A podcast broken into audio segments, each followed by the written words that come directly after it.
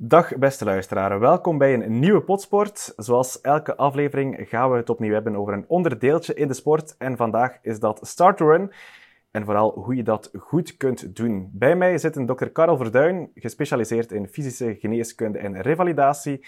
En Jeroen Kruid, podoloog en inspanningsfysioloog, beide actief in ons sportmedisch centrum hier eh, in Sporter.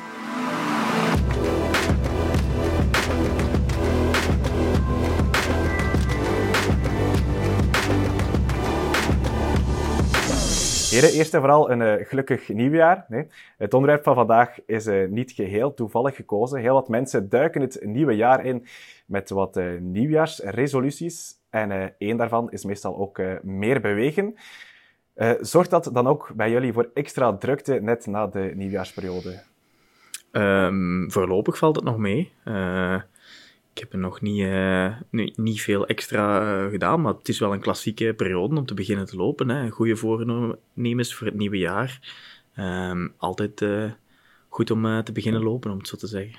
Uh, inderdaad, de eerste drukte na, na het nieuwe jaar, uh, de, dat, we laten ze even op zich wachten meestal. Het is eerst, eerst aan de mensen om, om erin te vliegen.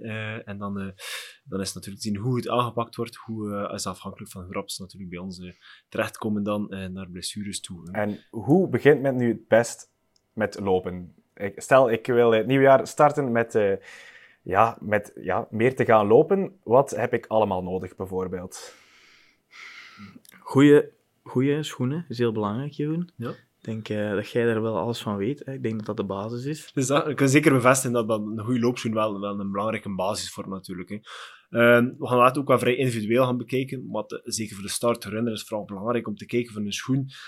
De algemene regel zeggen wij, een schoen mag vooraan, dus aan de voorvoet plooien, in het midden van de schoen. Als je een schoen vastpakt in de midsool, mag hij hem niet kunnen toeplooien of niet kunnen uitwringen als een dweil. Als de schoen dat al niet doet, en we spreken over een degelijke, normale loopschoen, uh, die toch omtrent die 80, 90, 100 euro uh, gekost heeft, dan mag je ervan uitgaan dat je op zich een goede start-run schoen zeker hebt. Er zijn zeker modelletjes, schoenen die nog goedkoper zijn, om de echte startrunner die zegt van goed lopen voor de eerste 10 sessies, vind ik het leuk, ja of nee. Maar als je dan verder zit dan die 10 sessies, is het toch wel nodig om te kijken voor een andere schoen. Als je ze test in de winkel bijvoorbeeld, is er iets, dus als je ze even aandoet, welk gevoel moet je hebben als je die schoen dan aandoet? Mocht ze niet uitwringen. Ja. Mag ze inderdaad niet kunnen uitwringen als een dweil. Mag ze niet kunnen toeplooien. Uh, dat is al heel belangrijk. Wat bijvoorbeeld rapper bij een Nike-schoen wel zullen zien, maar dat is wel misschien een beetje heel kort door de bocht. Uh, eigenlijk, pasvorm is ook wel een heel belangrijke factor in een loopschoen. We kunnen nu u wel gaan opschrijven van, kijk goed, dat zijn drie paar schoenen die ideaal zijn voor u, maar als die alle drie heel slecht zitten aan de voet, uh, zal het ook niet aangenaam zijn. We zeggen als algemene regel, als een schoen gaat passen, gaat die gaan passen in de namiddagavond. Voeten zijn een klein beetje gezwollen. Als we gaan de schoenen aandoen, we gaan recht staan, kijken van onze langste teen, dat is meestal onze dikke teen of onze tweede teen, dat we nog zeker een goede halve duimbreedte tot duimbreedte over hebben. Uh, want de voeten is wel een beetje tijdens het lopen, durven een beetje te schuiven tijdens het lopen, dat we niet met de blauwe teennagels thuiskomen. Uh, dus pasvorm is wel op zich een heel belangrijke factor ook in de loopschoen. Ja, dus als ik uh, schoenen ga passen, doe ik dat best na het werk even in de winkel passeren en dan een schoen passen. Klopt. Er zijn ook veel trainingen die inspelen op de hartslag. Is dat echt nodig als je wil gaan starten met, uh, ja, te gaan starten met lopen?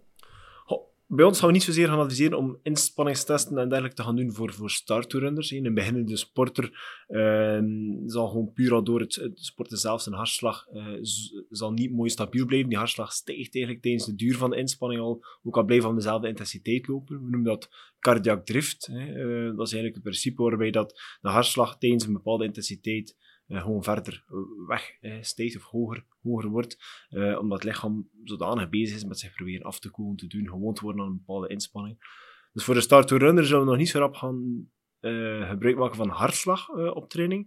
We gaan vooral gaan adviseren ehm, om het praattempo te gaan, uh, gaan toepassen. Hè. Dat wil zeggen, als we met een looppartner gaan, gaan lopen, uh, kies voor een tempo waarbij we volledige zinnen, volledige verhalen kunnen vertellen over de nieuwjaarsfeesten, uh, zonder dat we naar adem moeten snakken eigenlijk. Hè. Dat, is een, dat is een goed tempo. Dus eigenlijk, wat je vooral nodig hebt om te, van start te gaan, is een goede, stevige loopschoen. En voor de rest, wat goesting, vooral ook om eraan te beginnen eigenlijk. Ja, Ik zou zeker die loopschoen nemen, maar dan eigenlijk ook wel een vorm van een, een van, van start gaan met lopen vraagt toch ook wel een vorm van een, programma. Hè. Daarvoor spreken we niet direct over een trainer aan te spreken of, of, of, of, vele euro's te gaan spenderen aan, aan trainingsschema's, eh, maar toch een vorm van een, een, een aanpak. Hoe zal ik het nu doen? Hè? De eerste keer dat we gaan lopen, proberen te beperken. Hè. begint met een, een, drie, vier keer vijf minuutjes lopen, met een minuutje wandelen tussen, en dan heb je al een mooie eerste stap gezet is het echt de allereerste keer dat het lopen zal opvatten, is uh, Evie Gruijaard raadplegen, de start run, de allerbeste optie. Hè. Eh, daar zit ook al een vorm van opbouw in. Een beetje lopen, een beetje wandelen. Ook al voelt dat conditioneel aan, dat je meer kan, is het wel heel belangrijk dat we onze spieren, pezen, gewrichten, botten, en dat kan Karel uh, zeker bevestigen, de tijd mhm. geven om gewoon te worden aan het belasten. Is dat de beste app die je kunt gebruiken, die van Evi Gruijert? Want er zijn heel veel van die apps Nee, klopt, klopt. Een heel groot, groot, uh, grote, grote, grote aanbod in apps en, en, schema's en dergelijke online. Het Evi Gruijert app heeft wel een mooie, mooie opbouw. Er zit een mooie structuur achter, er zitten ook wat mooie motivaties tussen, wat mooie tips en tricks die er ook mooi in verwerkt zitten. Is dat een gratis app? Het is absoluut geen gratis app, maar het is een, een, heel toegankelijke app op, op vlak van... vlak van want ik heb zelf ook al gelopen met, met, dat was dan wel een gratis app. Ja. dat is ook uh, allez, een soort van start to run. Uh, ik weet niet wat je daar. Uh, of, of, of zegt hij van bepaalde apps gaan toch veel te snel? Of, of zijn er bepaalde dingen waar dat jij veel mee samenwerkt om mensen te begeleiden? Ja, dat is een goede vraag. Want uiteindelijk um, naar apps toe, het, het gevaar is vaak, we ook bijvoorbeeld van, van Polar, van Garmin, hebben bepaalde, bepaalde mogelijkheden om een, een schema te gaan aanmaken. Zeg bijvoorbeeld 10 kilometer lopen eh, onder een uur. En ik kan vier keer in de week lopen, maar dan gaan ze vaak ook vier keer in de week alles gaan inputten. En dan kom je vaak met een trainingsload of een trainingsbelasting die veel te hoog is, trap te veel is. Um, echt bepaalde apps, vaak zeggen we het een beetje al lachend weg, start nu en, en luister naar Evi, omdat mm -hmm. Evi de bekendere app is wel om, om te gaan gebruiken. Uh, er zijn zeker andere apps, maar ik denk dat het vooral belangrijk is voor die eerste stap te doorlopen, de startrun richting de 5 kilometer met Evi. En een keer dat we uh, die 5 kilometer uh, gehaald hebben, dan is het inderdaad belangrijk om wat meer advies te gaan inwinnen uh, naar gerichtere schema's. En dat is dan vaak iets meer onder begeleiding. en dan eventueel los van, los van de apps, inderdaad. Ja. Evi zal content zijn. Evi zal content zijn, ja. Gratis reclame. Waarom is het dan zo belangrijk om traag maar gestaag van start te gaan? Dat heeft alles te maken met eigenlijk ons lichaam alles van spier, bot, pezen en dergelijke, hè, um, dat heeft een bepaalde belastbaarheid. Hè. En uh, de belasting die we geven hè, op onze weefselstructuren, hè, die is afhankelijk van hoeveel dat die structuren op deze moment van belastbaarheid hebben.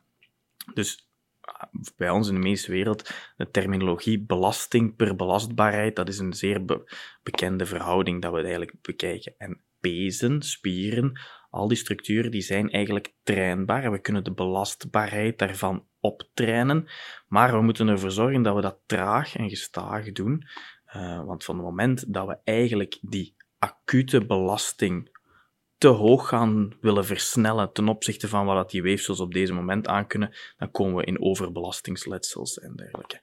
Er zijn al heel veel studies over geweest, uh, wetenschappelijke studies. De meest bekende um, persoon die daarmee bezig is in de wereld is eh, Tim Gabbett. Um, die heeft daar een hele theorie over, waar dat natuurlijk, zoals bij elke theorie, wel wat controverse over bestaat. En die spreekt over acute per chronic workload, hè, waarin dat hem eigenlijk bedoelt van uw acute workload is hetgeen wat je eigenlijk van belasting doet in de laatste week en uw chronic workload is wat je gedaan hebt op de laatste maand.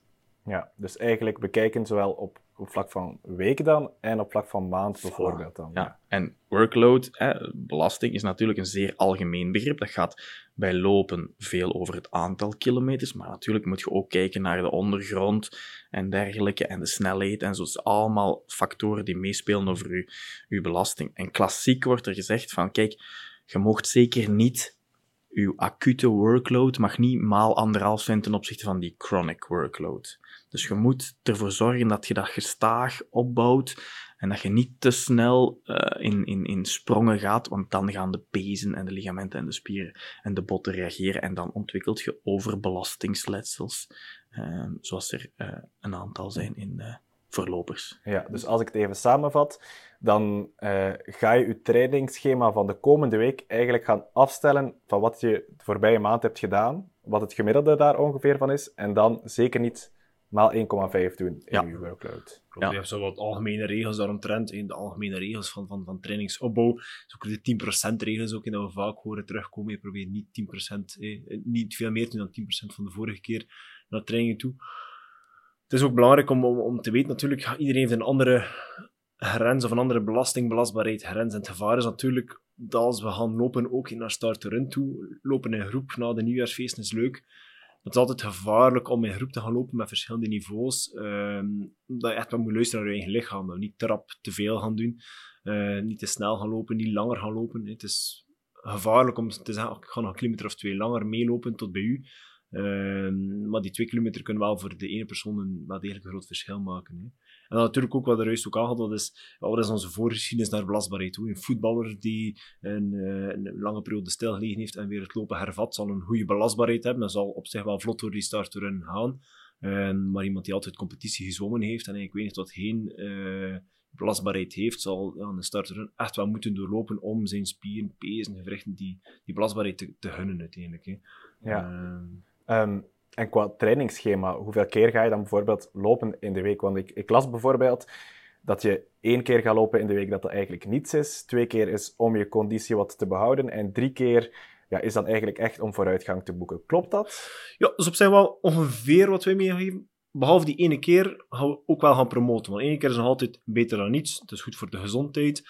Eh, maar het klopt inderdaad, die belasting dat je dan die ene keer heeft, pak nu weg de maandag. Eh, en de, de hele week doen we niks. En zal die daar heel weinig mee opgebouwd hebben naar de volgende week, de maandag weer. Ehm, twee keer in de week is goed voor een onderhoud van een conditie. Eh, en dan drie keer in de week zeggen wij natuurlijk is goed voor conditieopbouw. Nu, eh, ik spreek uit één ervaring, maar drie keer in de week eh, het aan sporten zetten is al geen evidentie eh, na, het sociaal, sociaal leven, het werkleven, gezinsleven. Eh, dus, dus twee keer in de week is, een, is toch al een mooie, mooie doelstelling. Als drie keer lukt, zoveel te beter. Natuurlijk naar conditieopbouw voor het lopen toe. Het gevaar is, ehm, conditie ligt ons altijd erop voor. Hè. Ik hoor me al te vaak van hè, de eerste sessie dat we lang niet gelopen hebben, we gaan het lopen hervatten. Het was wat zwaar, het was wat het was al lastig. Tweede keer gaat dat wat vlotter. Hè. Een derde keer zijn we aan het maken voor een marathon, eh, voor een marathon te doen. En dat is zoiets eh, dat we nogal vaak, vaak horen, inderdaad. Dus, dus als we echt heel gemotiveerd zijn, zoals natuurlijk de lockdown eh, van, van gelukkig die al wel achter ons ligt, ehm, als je toch heel veel tijd hebt om te sporten, probeer het lopen vooral af te wisselen met wat sporten die minder belastend zijn, zoals inderdaad fietsen en- Mhm. en, en andere zaken.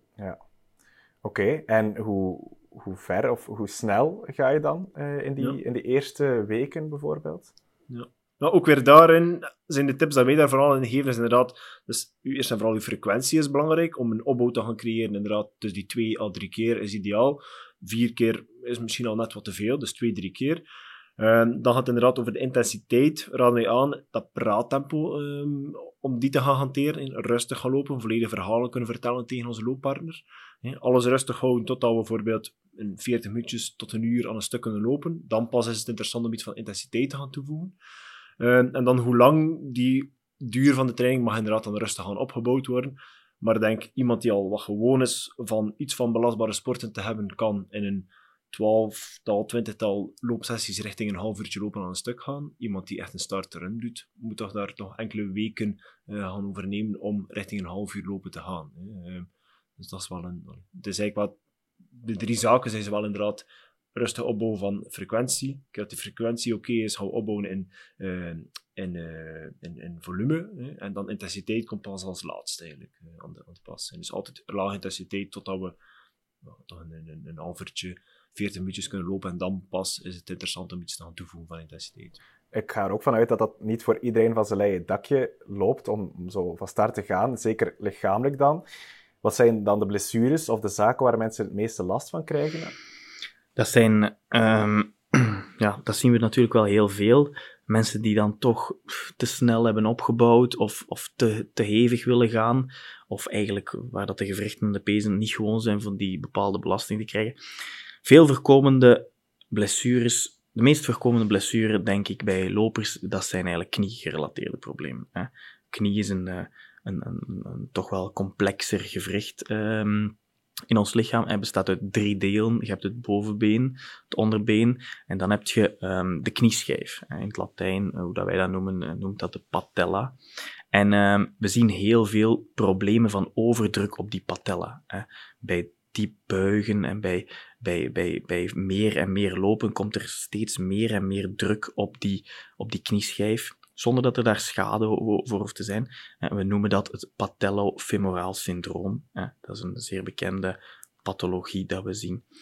En dat heeft een beetje te maken met het feit dat we dus door het lopen veel belasting op die knie gaan zetten, terwijl dat onze fundamenten, onze spieren en onze core stability, dat is eigenlijk de stabiliteit rondom de buikregio, buikspieren, rugspieren, bilspieren, dat die eigenlijk nog onvoldoende sterk zijn, waardoor dat er te veel druk op de gewrichten komt.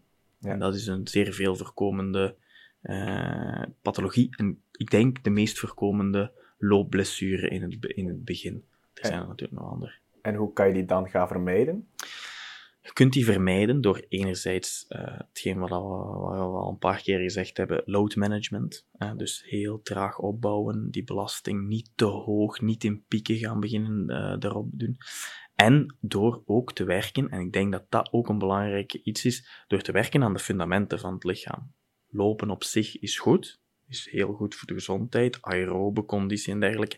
Maar eigenlijk zou er naast het lopen ook moeten gewerkt worden aan die stabiliteit, aan de fundamenten die de gewrichten en de pezen moeten ondersteunen. En dat zijn wat we klassiek zien, de core stability trainingen die we zien. De buikspieren, de rugspieren, de bilspieren, de bovenbeenspieren. Die moeten eigenlijk ook opgetraind worden. En dus denk ik, allez, ik denk, uh, allez, Jeroen, dat je daarmee akkoord zit, hè, dat is dat veel duursporters ook wel wat krachttraining zouden moeten doen om, om, om, om toch die dingen uh, te ondersteunen. Klopt, zeker. Eigenlijk is lopen bij van spreken te toegankelijk. Hè. Dat is een beetje het gevaar, om het zo te zeggen. Want lopen, kopen een loopschoen. Hè. We hebben het er juist even kort over gehad. We kopen een loopschoen, een goed degelijke loopschoen, zonder daar te gaan overdrijven. We doen onze loopschoen aan en vertrekken met het lopen. Maar het is eigenlijk te toegankelijk. Normaal gezien als we iets van een sport gaan doen, denk maar aan een, een, een, een voetbal, een handbal, een, het zwemmen, hebben we een bepaalde techniek nodig, een bepaalde techniek vereisten, die ook een bepaalde ja, evenwicht vragen aan ons lichaam, naar core stability, naar kracht, bepaalde, bepaalde uh, bewegingsmogelijkheden. En die, die, die hebben bij het lopen, kunnen gewoon loopjournaal doen en vertrekken. Hè. Als we dan spreken over de klachten, knieklachten vooraan aan de knie, het patellofemoral pain syndroom, de belangrijkste fout die dan gemaakt wordt bij de manier van lopen, uh, is dan vaak te grote passen gaan nemen. De, de loper uh, start met lopen en denkt, ik wil rap lopen, ik ga grote passen nemen.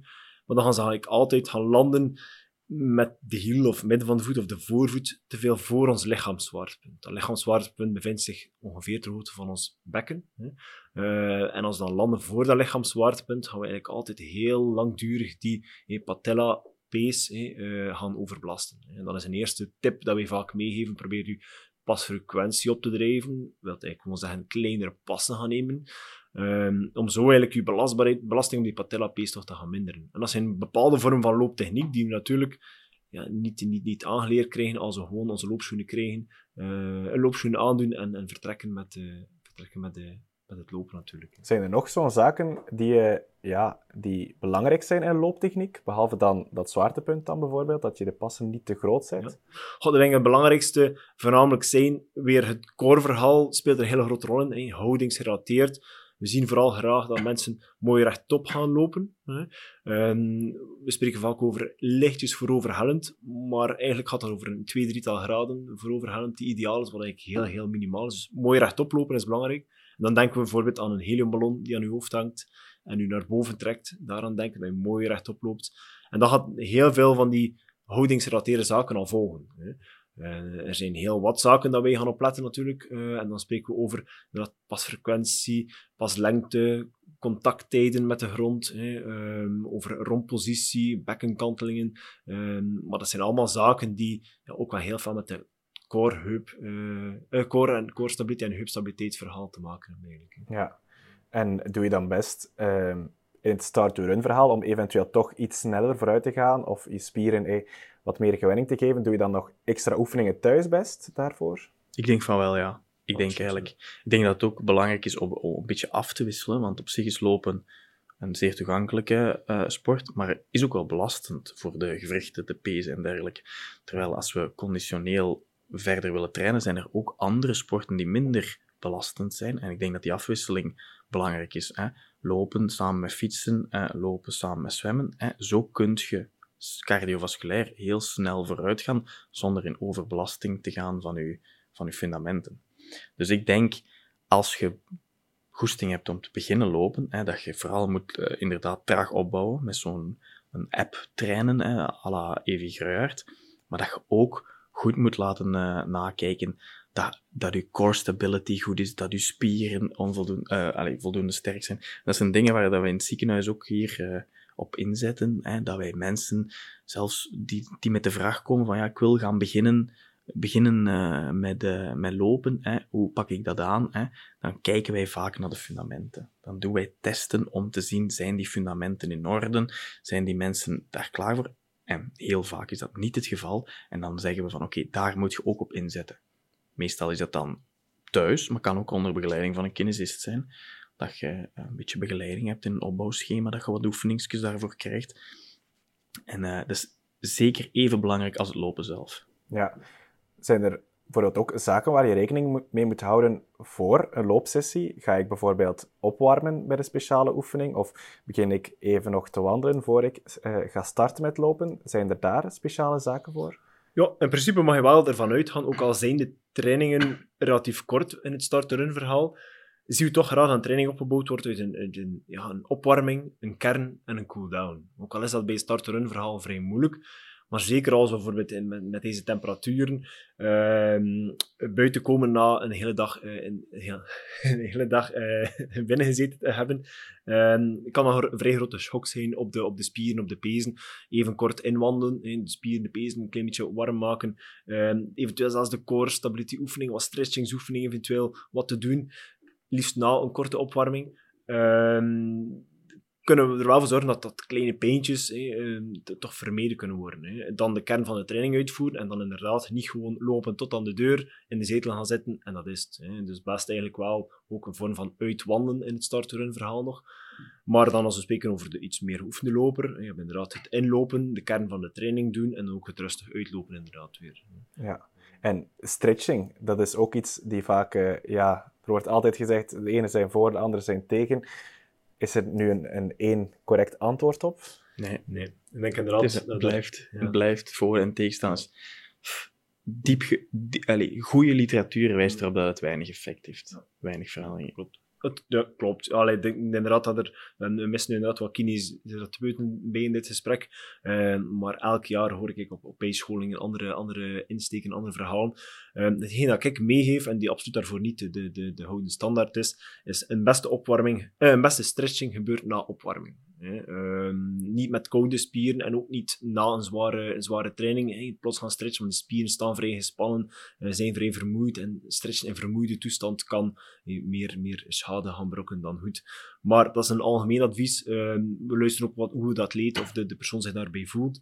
Uh, en daar volgt dan toch liever iets meer het advies van de, van de kinesitherapeuten en de arts dan... Dan Ik denk, als je er goed bij voelt en je voelt dat dat het losser komt, dan kan het absoluut geen kwaad. Maar uh, een grote meerwaarde naar uh, lengte van uw spier, of dat het dan daardoor een snellere opbouw kan geven, of een, of een verbeterd resultaat, dat is absoluut niet, niet bewezen. Ja. Veel mensen uh, doen dergelijke zaken omdat ze daar een goed gevoel van krijgen. En als dat u helpt, prima. Ja. Denk, dat is mijn mening erover. Het is bijvoorbeeld belangrijker om nog even ja, een 300-tal, 400 metertal meter te gaan stappen in mhm. plaats van echt te gaan stretchen naar je... Uh... Absoluut, ja. ja. Absoluut. Oké. Okay. Um, ehm, wat tegenwoordig ook heel erg in is, zijn de wearables, de smartwatches, uh, om te gaan lopen. Op welke manier kunnen zij helpen in jouw traject? Denk vooral als, als motivator. Hè. Um, maar je moet ook natuurlijk oppassen dat de motivator niet de oorzaak wordt van de klacht. Um, nu, we zijn nu al heel veel over klachten bezig natuurlijk. Hè. Bij ons het is niet dat enkel mensen komen uh, met, met klachten. Hè. Uh, maar het gevaar is wel van mensen die bij ons komen, dat we heel vaak horen van kijk goed, wanneer zijn de klachten ontstaan? Hè? Kijk, ja, ik heb Strava geïnstalleerd en uh, ik, heb, ik ben nu een zestal weken aan het sporten en ik zie bij de andere lopers een gemiddelde snelheid van boven 10 per uur. Ik wil ook 10 per uur lopen. Ehm, dat is een beetje het gevaar natuurlijk. Hè. Op Strava, in de, leuke, leuke app om, om iedereen te gaan volgen, maar we willen ons natuurlijk telkens gaan bewijzen. En dan, als we daar juist spreken over een opwarming, een kern en een cooldown in een training, neem dat allemaal samen, dat gaat je gemiddelde loopsnelheid wel gaan, gaan verlagen. Tegenover als we gewoon de training starten uh, en direct aan 10 per uur lopen uh, en dan stoppen ook aan 10 per uur, tegenover eerst 8 per uur, 10 per uur en weer aan 8 per uur. Dus een app is een mooie motivator. Dus voor ons op zich belangrijk, want we zien mensen liever aan het sporten. Uh, maar het is wel op sommige vlakken ook de oorzaak van de blessure. Uh, maar goed, we hebben dan ook weer genoeg, genoeg wearables die dan wel weer, uh, wel weer in het positief, positief kunnen bekeken worden, zoals inderdaad de hartslagmeters zelf. Ja, ik denk, uh, als het u kan helpen om heel gradueel, traag op te bouwen, niet te veel en te snel op te, op te bouwen, uw hartslag tussen bepaalde ranges te houden en u daardoor eigenlijk een beetje af te remmen, om het zo te zeggen, of de meeste mensen af te remmen, dan is dat een perfect tool. Dan ja. kunnen dat perfect gebruiken uh, om je doel te bereiken. Hè. Dus het gevaar zit er echt in dat je, dat je veel te snel te veel wilt. En dan komt je uh, met overbelastingsblessures die dan nadien moeten hersteld worden en dergelijke.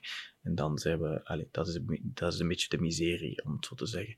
Traag opbouwen, rustig aan. Uh, Rome is ook niet op uh, één dag gebouwd. Dus dat is een beetje de gouden raad, denk ik. Oké. Um, ik denk dat de mensen ondertussen al heel wat tips hebben gekregen hoe ze het best kunnen starten. Zijn er nog zaken waar jullie aan denken ja, die nog niet genoemd zijn of die misschien nog uh, onderbelicht zijn geweest, waarvan je zegt, ja, die zijn misschien ook wel nog belangrijk om even mee te geven? Ik zou zeggen, wissel, wissel een beetje af. Doe verschillende sporten. Denk aan uw, aan uw core stability. Doe ook wat, wat, wat algemene krachtoefeningsjes um, bovenop en, en, en bouw het traag op. Ik denk dat dat de belangrijkste boodschappen zijn bij start to run.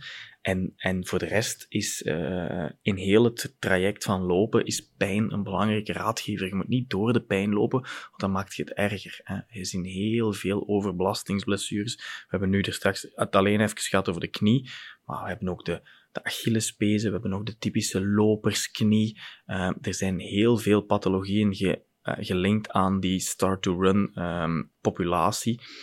Dus traag opbouwen en fundamenten onderhouden, dat is een beetje de gouden boodschap, denk ik. Nee, inderdaad, ik denk dat ik nog kan aanvullen misschien met één iets, is het ondergrond, omdat er ook wel vaak rond te doen is rond, rond ondergrond. Vaak horen we van, hoe zachter de ondergrond, hoe beter.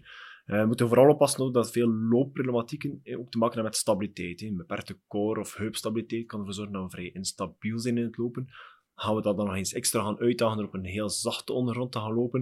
En dan kunnen we net sommige klachten gaan uitvergroten. Zo denk aan de, wel aan de Finse pistes. Hè. Een Finse piste is een, is een goed middel uh, om de impact te gaan, gaan, gaan minderen.